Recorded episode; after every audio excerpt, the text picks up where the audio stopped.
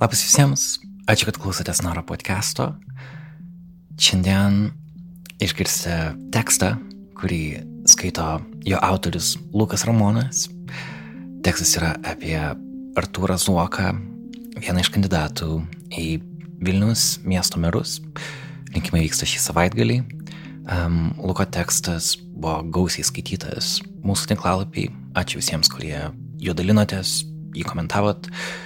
Ir e, mes nusprendėme jį perkelti ir į audio erdvę, į mūsų podcastų erdvę.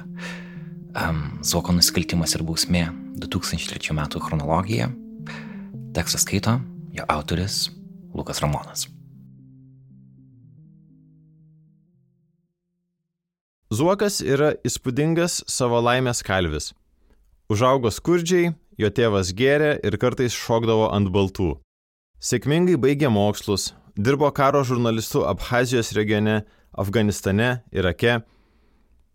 Tada įkūrė naujienų ir reklamos agentūrą, kurios iniciatyva į Vilnių atėjo pirmasis McDonald's. 26 užsidirbo pirmąjį milijoną, vėliau tapo Vilniaus meru nuo 2000 iki 2003. Paskui vėl jo tapo nuo 2003 iki 2007. Tada vėl nuo 2011 iki 2015. Tarp meravimų prisidėdavo prie Adamkaus rinkiminių kampanijų ar kimarindavo Seime. Zuokas yra protingas, iškalbus, charizmatiškas, puikiai užmesga ryšį su žmonėmis. Pas Zuoką lankėsi Dalai Lama, Woody Harrelsonas, Mikhailas Khodorkovskis, Stevenas Tyleris, Jonas Mekas, Jeremy Ironsas. Ką sako vien jo politinis nenuždomumas? Prastesnis politikas įsivėlęs tiek skandalų, kiek Zuokas, jau seniausiai būtų nurašytas. Jei ne Lietuvoje, tai bent Vilniuje. Tuo tarpu Zuokas visat grįžta. Ne visada laimi, bet visada grįžta. Kai ruošiausi rašyti šį tekstą, rausiausi po Zuoko viešąjį gyvenimą ir buvau sužavėtas. Tačiau burbulas pradėjo bliūkšti perskaičius šią eilutę. Citata. 26 uždirbęs pirmąjį milijoną, kai JAV ambasada iš jaunos Zuokų šeimos įsigijo sėkmingą investiciją - būstą šalia Vilnelės. Citatos pabaiga. Pagalvojau, o tam, kad parduotum namą šalia Vilnelės, neturėtum prieš tai turėti namo šalia Vilnelės? Iš kur tas turtas atsirado? Štai kaip šį epizodą apibūdina Zuokas. Citata. Vieną vakarą su Agne vaikštinėdamas po tuometinį Sireikiškių parką, dabar Bernardinų sodą, Pastebėjau kitapus Vilnelės, beveik upės pakrantėje, stovinti apleistą, apirusiomis sienomis, apsilaupiusiais dažais pastatą. Paklausiau Agnes, ar ji nenorėtų ten gyventi. Ji aiktelėjo, kad būtų romantiška, bet aiškiai netikėjo, kad tai įmanoma. Tuomet jai pasakiau, vadinasi, mes čia ir gyvensime. Pamaniau, kad investavus pinigų būtų galima įsirengti nuostabų būtą, o sutvarkius visą aplinką atidaryti ir nedidelį aukšto lygio viešbutį. Citatos pabaiga. Prisimena Zuokas. Jau kitą dieną to namo gyventojams Artūras išdalijo lapelius su pasiūlymu pirkti iš jų būtus ir neilgai trukus pastatas buvo jo. Prasidėjo sudėtinga restauracija. Kaip tik tuo metu JAV ambasada ieškojo patalpų savo rezidencijai. Pusmetį užsitęsusios dėrybos buvo rezultatyvios ir Artūras sutiko parduoti pastatą. Už jį JAV ambasadoje jam buvo įteiktas pirmasis milijono dolerių vertės čekis. Istorija skamba gerai, nebent pradedi apie ją galvoti. Tada kyla klausimai. Kiek iš viso būtų buvo tame name? Kiek Zuokas mokėjo už kiekvieną? Negi taip lengvai pavyko viską išpirkti? Iš kur atsirado kontaktai su JAV ambasada? Kokios buvo projekto sąnaudos ir koks buvo pelnas? Skamba ne kaip milijonas. Milijono istorija nebuvo kvestionuota ar išnarpliota, todėl į oficialius šaltinius, straipsnius ir biografijas nugulė taip, kaip ją pasakojo Zuokas. Be konteksto, be detalių, tiesiai iš rinkiminės krajutės. Tai tik vienas pavyzdys. Zuokas kol kas yra pagrindinis Zuoko istorijos pasakotojas.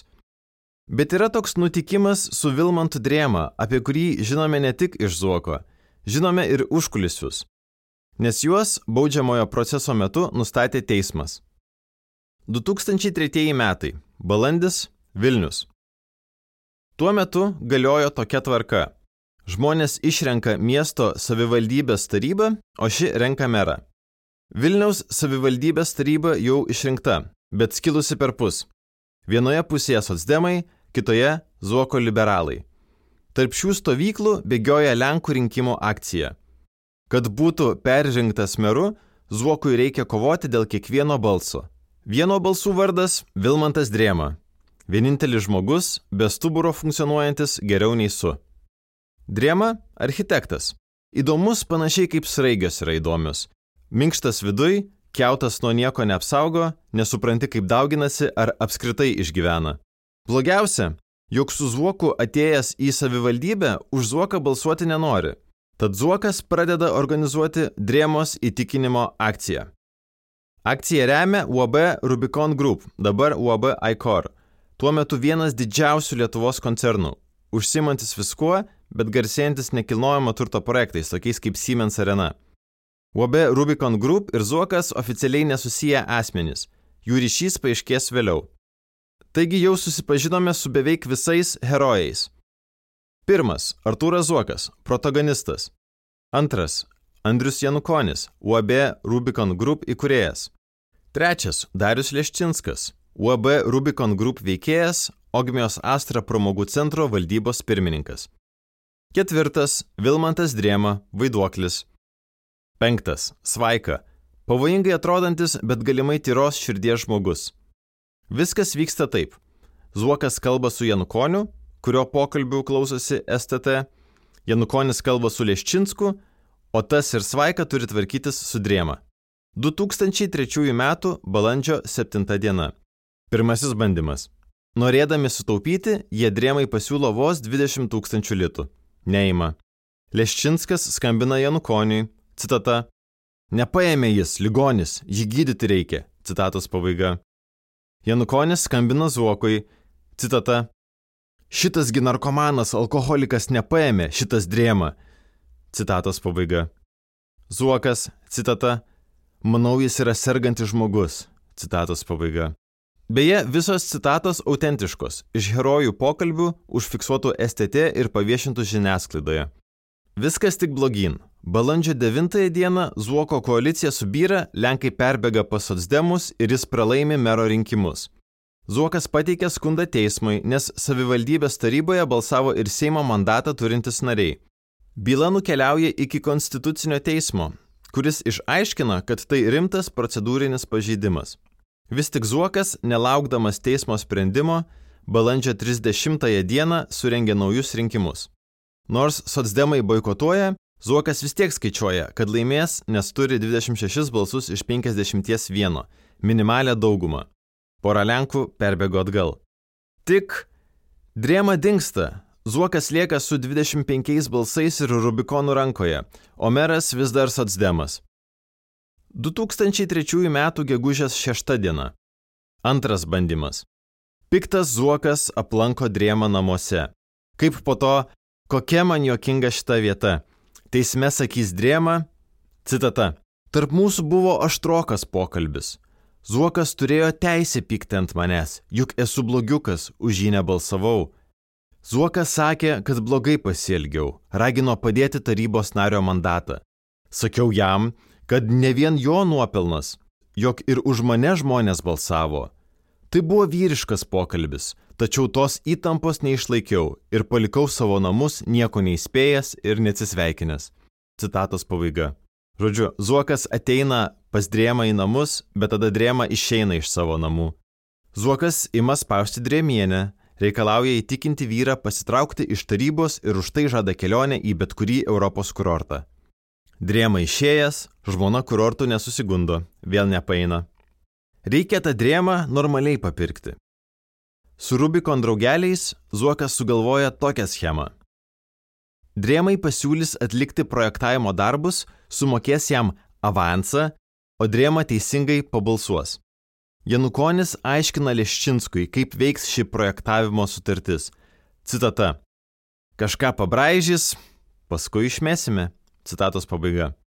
Leščinskas nenori drėmai šaibų mokėti, tačiau Janukonis jį ramina, kad, citata, reikia tą durnelį laikinai kažkaip intriguoti, citatos pabaiga. Citata, pirmadienį reikia pasirašyti kažkokį tai susitarimą, kuriame figuruotų suma, kažkokie etapai ir darbų prieimimo aktas, už dešimties dienų tu galėsi jį pasiūsti nacher. Citatos pabaiga, sako Janukonis. 2003 m. birželio 10 diena. Trečias kartas nemeluoja. Iš pat ryto verslo vyrai derina sutarties detalės. Sutarties suma 150 tūkstančių litų. Janukonis skambina Zuokui, Driema avanso prašo neoficialiai. Zuokas, citata, buvo kalba 30 procentų nuo tos sumos, tai šioj vietoj tai yra 45 tūkstančiai. Citatos pabaiga. Janukonis, citata, nu tai tvarkoj, tai tą ir sumokėsim. Citatos pabaiga. Driema atvyksta į Ogmijos Astrą, į Leščinsko kabinetuką, derasi, pasirašo sutartį. Ar paima šaibas, ar tik sutarė jas paimti, teismas nenustatė. Po sutarties pasirašymo atvyksta Zuokas, užtvirtina dėlą. Driema nuo tuo momento visą laiką prižiūri Rubikono bičias Svaiką. Turiningą dieną apturi Driema. Sustoja prie parduotuvės, nusprendžia, kad yra pagrobtas, pabėga nuo Svaikos, pusantros valandos kažkur vaidenasi, 16 val. tarybos posėdėje susiduria su Svaika, kažkaip blogai pasijaučia, gula į ligoninę, ligoniniai nusprendžia, kad ten liūdna skambina Zuokui, prašosi išvežamas į Viloną. Zuokas ir Janukonis galvoja, ką čia daryti. Janukonis sako, citata, jisai per tą pusantros valandos su kažkuo susitiko, tai faktas. Aš siūlau pastatyti apsaugą prie tos jo palatos. Citatos pabaiga. Zuokas, citata, dabar yra galimybė jį paguldyti ir prižiūrėti. Citatos pabaiga. Janukonis, citata, tai reikėtų ir kažkaip su juo sutart, kad jis nepabėgtų ir nemeluotų su tais savo telefonais. Citatos pabaiga. Žodžiu, Janukonis jau visiškai užsipisė su to drėma, skambina Leščinskui. Citata. Duodam svaiką, tegul važiuoja į Viloną, nes prapuls pederastas, ką tada darysim. Citatos pabaiga. Taigi drėma jau buvo įkalbėtas balsuoti už Zuoką. Bet Rubikon vyrukai jaudinosi, kad jis susitiks su politiniais oponentais ir bus vėl perkalbėtas. Labai imlus įtaigai tas mūsų architektas. Iš čia ir kilo noras nepaleisti drėmos iš akių. Bet nors drėma prašėsi į viešbutį, planas pasikeičia ir Svaika su dar dviem trikampio žiedo vyrukais išveža vaiduoklį į sodybą Saliniškio kaime, Molėtų rajone. Janukonis Svaikai duoda tokius nurodymus. Citata. Reiškiasi, drėma patalpink į antrą aukštą, kad neiššoktų niekur ir vienas pastoviai nemiega iš trijų vyrų. Citatos pabaiga. Dar liepia paimti vaiduoklio telefoną, Teisingai, nėra ten ko į sodybą važiuoti į nosis telefone, tegul pasidžiaugia gamta. Tiesiog eilinė, super neįtartina savivaldybės tarybos nario diena. Drėma kitą dieną atveža į posėdį, kur jis balsuoja už Zuoką. Vis tiek nepaina, vėl 25-25 pasiskirsto, net su Drėmos balsu. Bet Zuokas atstato savo koaliciją ir po dviejų savaičių vėl tampa Vilniaus meru. Didelį Zuoko nuostabai Dėl šios istorijos kyla baudžiamasis procesas. Drėma iki teisminio tyrimo metu duoda vienokius parodymus, sutampančius su tuo, ką aprašiau viršui, o teismo metu jau duoda kitokius. Teisme Drėma sako, kad projektavimo darbai nebuvo kyšis. Ir niekas jam nepribojo laisvės. Tiesiog jis pats taip susigalvojo, kai pamatė, kad jam iš paskos vaikšto svaika. Citata. Tuo metu man taip atrodė, tokie buvo mano vidiniai išgyvenimai. Dabar manau kitaip, juk keičiasi žmonės ir jų supratimas. Citatos pabaiga. Keičiasi žmonės ir jų supratimas. Kažkur čia yra daina. Zuokas aiškina, kad pokalbiai ištraukti iš konteksto. Juk drėma artimas draugas, kurio papirkinėti net nereikia. Pokalbių įrašuose Zuokas ir jo Hebra jį vadina vaiduokliu, ligoniu, pederastu, narkomanu, alkoholiku.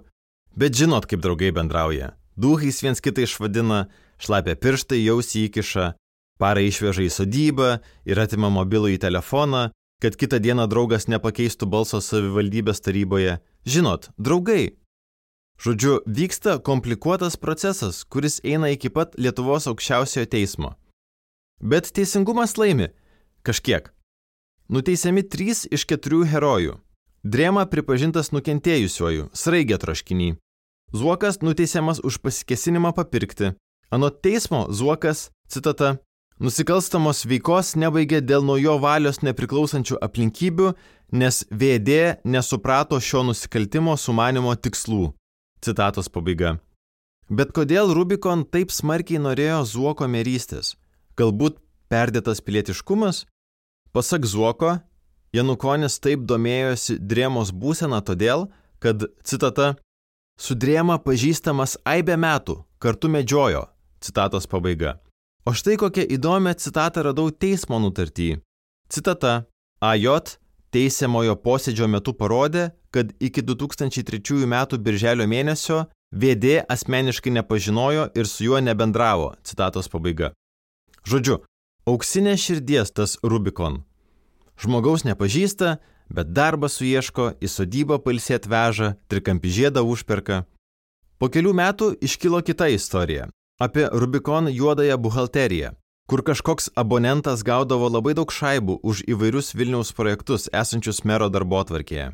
Niekas dėl šito nesėdo, nes buvo tik pokalbių įrašai ir jokių kitų įrodymų. O štai koks malonus atradimas iš drėmos bylos. Po kratos Rubikon paimtame kompe buvo rastas toks failiukas. Citata. Atidarius kompiuterinę bylą pavadinimu P-srautai XLS, joje rasti devyni darbalaukiai, iš kurių vienas yra abonent. Šiame darbalaukėje be kitų duomenų yra įrašai. Eilės numeris 7 Data 2003 m. balandžio 7. Suma 20 tūkstančių. Mokėjimo forma grinėjai. Mokėtojas DA. Gavėjas D. Projektas Rink. Eilės numeris 17. Data 2003 m. birželio 10. Suma 45 tūkstančiai. Mokėjimo forma grinėjai.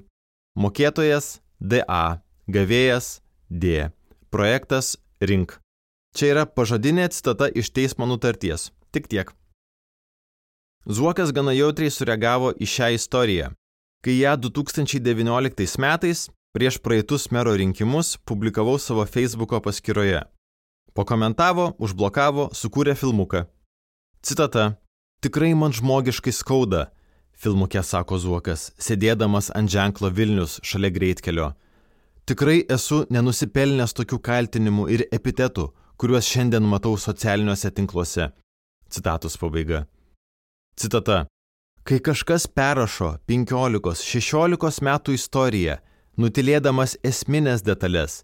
Citatos pabaiga. Skamba jautri muzika. Zuokas žiūri į kamerą. Citata. Ar jūs norite gyventi mieste, kuriame atimta žmogiška teisė į klaidą? Citatos pabaiga. Gerą klausimą užduoda Zuokas. Negi negalima klysti. Kam kapstytis praeitie, priminti senas klaidas? Galvokime, kalbėkime, kurkime ateitį. Bet 2019 metai, kovo 3 diena, 15 min debatai, Šimašius prieš Zuoką. Žurnalistė irgi prisimena 2003 metus. Citata. Jūs žurnalistams sakėte, kad ten buvo visko Taip neturėtų būti, kalbant apie šiandieninį politikos supratimą. Ką jūs turėjote omeny? Ko jūs dabar nedarytumėt, ką darėte 2003 metais? Citatos pabaiga. Zuoko atsakymas. Citata. Neužmirškime, kad tuose mero rinkimuose dalyvavo visos įmanomos politinės jėgos. Prezidentūra tuometinio Rolando Pakso, spets tarnybos, tam tikri kriminalinio verslo pasaulio atstovai, kurie išveža tarybos narį, nuveža į reanimacinę ligoninę ir daugelis kitų dalykų. Aš apie tai kalbėjau. Aš ir mano komanda mes gynėme ir pateisinome Vilniečių pasitikėjimą. Lygiai tą patį ir šiandien padaryčiau. Citatos pabaiga. Žurnalistė, citata. Tai reiškia, kad ne jūsų ten buvo klaidos. Citatos pabaiga. Zuokas, citata. Veikimas tuo metu buvo brutalus ir ciniškas ir nesažiningas ir negarbingas prieš rinkėjų valią. Aš apgyniau tą rinkėjų pasitikėjimą ir miestas išliko toks, koks turėjo būti. Citatos pabaiga. Čia Zuokas naudoja jau daug metų valkiotą pasiteisinimą. Vilniaus valdžia iš ties norėjo užgrobti paksas ir kitos tamsiosios jėgos. Čia ne Zuokas, čia paksininkai bandė drėmą papirkti, vežė į ligoninės ir kitaip juo manipuliavo. O Zuokas tik bandė gražinti drėmą į doros kelią, kad jis vykdytų rinkėjų valią ir nepasiduotų blogiukams. Aukso žmogus, tas Artūras Zuokas, kaip pats sakė, teistas už gerus darbus, visai kaip Jėzus. Taigi Zuokas klausė, negi negalima klysti, ir iškart neigia, kad klydo. Nes klysta kiti - politiniai oponentai, banditai, politiškai angažuota STT, Paksas. Tokie laikai buvo, o jis tiesiog gelbėjo Vilnių. Tu negali prašyti atleidimo, jei nepripažįsti klaidų, netaip atleidimas veikia, nebent iš darbo. Zuokui yra būdas išeiti iš žmogų ir būdas gana paprastas. Zuokas turi atskleisti visus savo esamus ir buvusius ryšius su verslais ir kitais galios centrais. Jis turi kaip kišenę savo biografiją išversti į kitą pusę, kad pamatytumėt viską, kas buvo paslėpta. Jei prireiks, jis turi mokėti baudas ir sėsti. Ir kai jis savo kaltes atpirks visuomenės ir teismų teismuose, Zuokas galės grįžti. Ir mes jam atleisime. Ir jei Zuokas tai padarys, niekas jos lydžios biografijos per kitus rinkimus nekels. Kol kas Zuokas lieka Maklių princas. Citata iš Valdo Adamkaus biografijos paskutinę kadenciją. Numavičius labai jaudinosi. Iš pradžių vis atsiprašinėjo, kad trukdo. Galiausiai pasiteiravo, kodėl atsakingi mano štabo darbuotojai tiesiogiai nesikreipia į Vilniaus prekybą dėl paramos, o tai daro per tarpininką Azuoką. Apstulbęs kurį laiką nesupratau, apie ką kalbama. Paprašiau be užuolankų paaiškinti, ką jis turi galvoje. Pasirodo, Azuokas prašo iš Vilniaus prekybos pinigų, neva man paremti. N. Numavičius sakė, suprantas, kad per rinkimų kampaniją galėjau turėti išlaidų, kurias reikia padengti. Ir jie galėtų padėti. Patikinau jį, kad man tikrai nereikia jokių pinigų. Nieko neįgaliojau prašyti pagalbos iš Vilniaus prekybos ir apgailestavau, kad jis nesikreipė į mane anksčiau, kai tik išgirdo tokį prašymą. Citatos pabaiga. Postscriptum. O kaip sekėsi likusiems veikėjams? Be negarsiausia frazė apie drėmą yra priskiriama Zuokui, bet iš tikrųjų ji buvo pasakyta telefoninio pokalbio metu tarp Andriaus Janukonio ir Vytauto Kvietkausko, tuometinio Seimo nario irgi įtarinėto Rubikon korupcija. Taip jau sutapo. Pokalbis pasisuko apie mūsų mėgstamiausią savivaldybės tarybos narį ir Janukonis pasvarstė, ar netras drėmos, citata, neryplaukiančio, pilvo išpūstų. Citatos pabaiga. Tie metai buvo drėmo zenitas. 2007 metais jis vėl bandė patekti į Vilniaus savivaldybės tarybą. Numyli miestą žmogus. Tiesa, tą kartą ėjo su sosdemais ir nepraėjo. Ir 2011 metais identiškai nepraėjo. Ir nuo tada išdrėmos politinė tyla. Darius Leščinskas žiniasklaidoje nesivaidena, tikėtinai suka bizniukus Rubikono orbitoje. Andrius Janukonis, UAB Aikor valdybos pirmininkas. Toliau virina babkės ir kartas nuo karto papuola į turtingiausių Lietuvos žmonių dvidešimtuką. Jei jį sutiksite gatvėje, būtinai paklauskite apie drėmą. Šie prisiminimai visada praskaidrina jo dieną.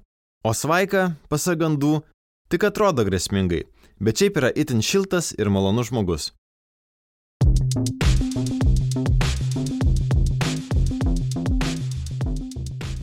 Girdėjote Luko Ramono, komiko ir teisininko tekstą pavadinimu Zuoko nusikaltimas ir bausmė 2003 m. chronologija. Įskaitė pats Lukas Ramonas. Įrašą redagavo, kad Bitoft. Ačiū, kad klausotės Naro podcast'o.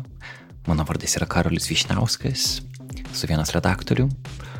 Iki kito karto.